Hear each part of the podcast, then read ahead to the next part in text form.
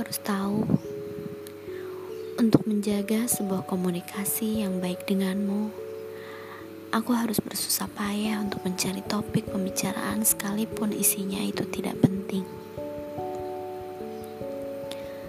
Hargailah selagi masih ada.